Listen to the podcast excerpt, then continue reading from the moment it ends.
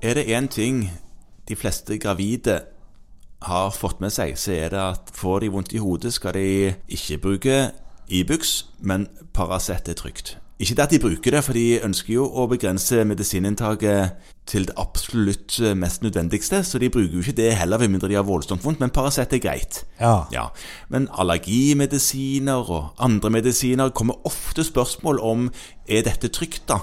Eh, Og Grunnen til at det kommer opp, er fordi at i pakningsvedlegget så står det at eh, du må høre med en lege før du bruker, eller ikke bruker i det hele tatt. Og Grunnen til at eh, vi skal vite noe om en ny tjeneste, er fordi at en del av disse medisinene kan du kjøpe uten resept. Ja, Ja. det kan du.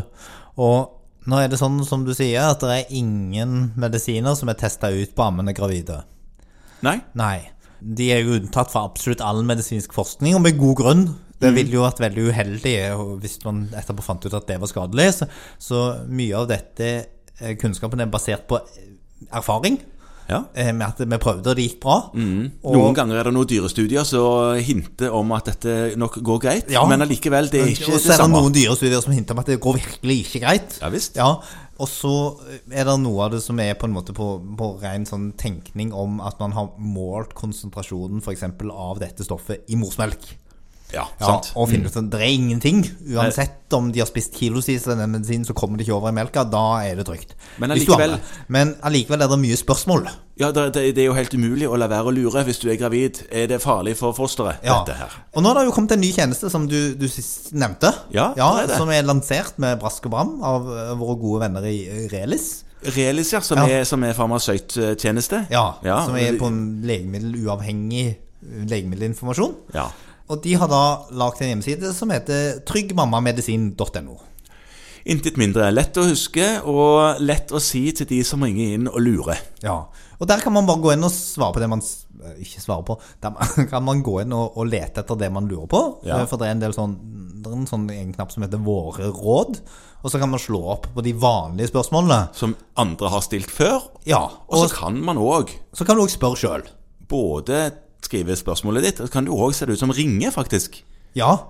Men Det er jo ikke verst. Det er jo ikke verst i det hele tatt. Men det ser ut som i all hovedsak så skal du sende spørsmål inn. Mhm. Og så kan du ringe inn på noen korte tidspunkter. Ok. Så det beste er nok ofte å stille det spørsmålet. og- Og det som er interessant med å stille det spørsmålet skriftlig, er at da vil det på en måte, hvis svaret er allment interessant, kunne hjelpe andre. Ja, nettopp. Og det er sånn i denne verden at har du, lurer du på det, så er det jo alltid noen andre som også lurer på det. Ah, ja. Og så er dette et godt tips til alle vi som driver legekontor. Fordi at eh, denne her ressursen kan det jo henvises til på alle nivåer. Ja, det altså, er Man godt kan det. linke til den fra hjemmesiden sin. Det kan man. Man kan f.eks. informere de ansatte om at dette er en lur side. Ja, Og man kan òg si det til de man har på svangerskapskontroll.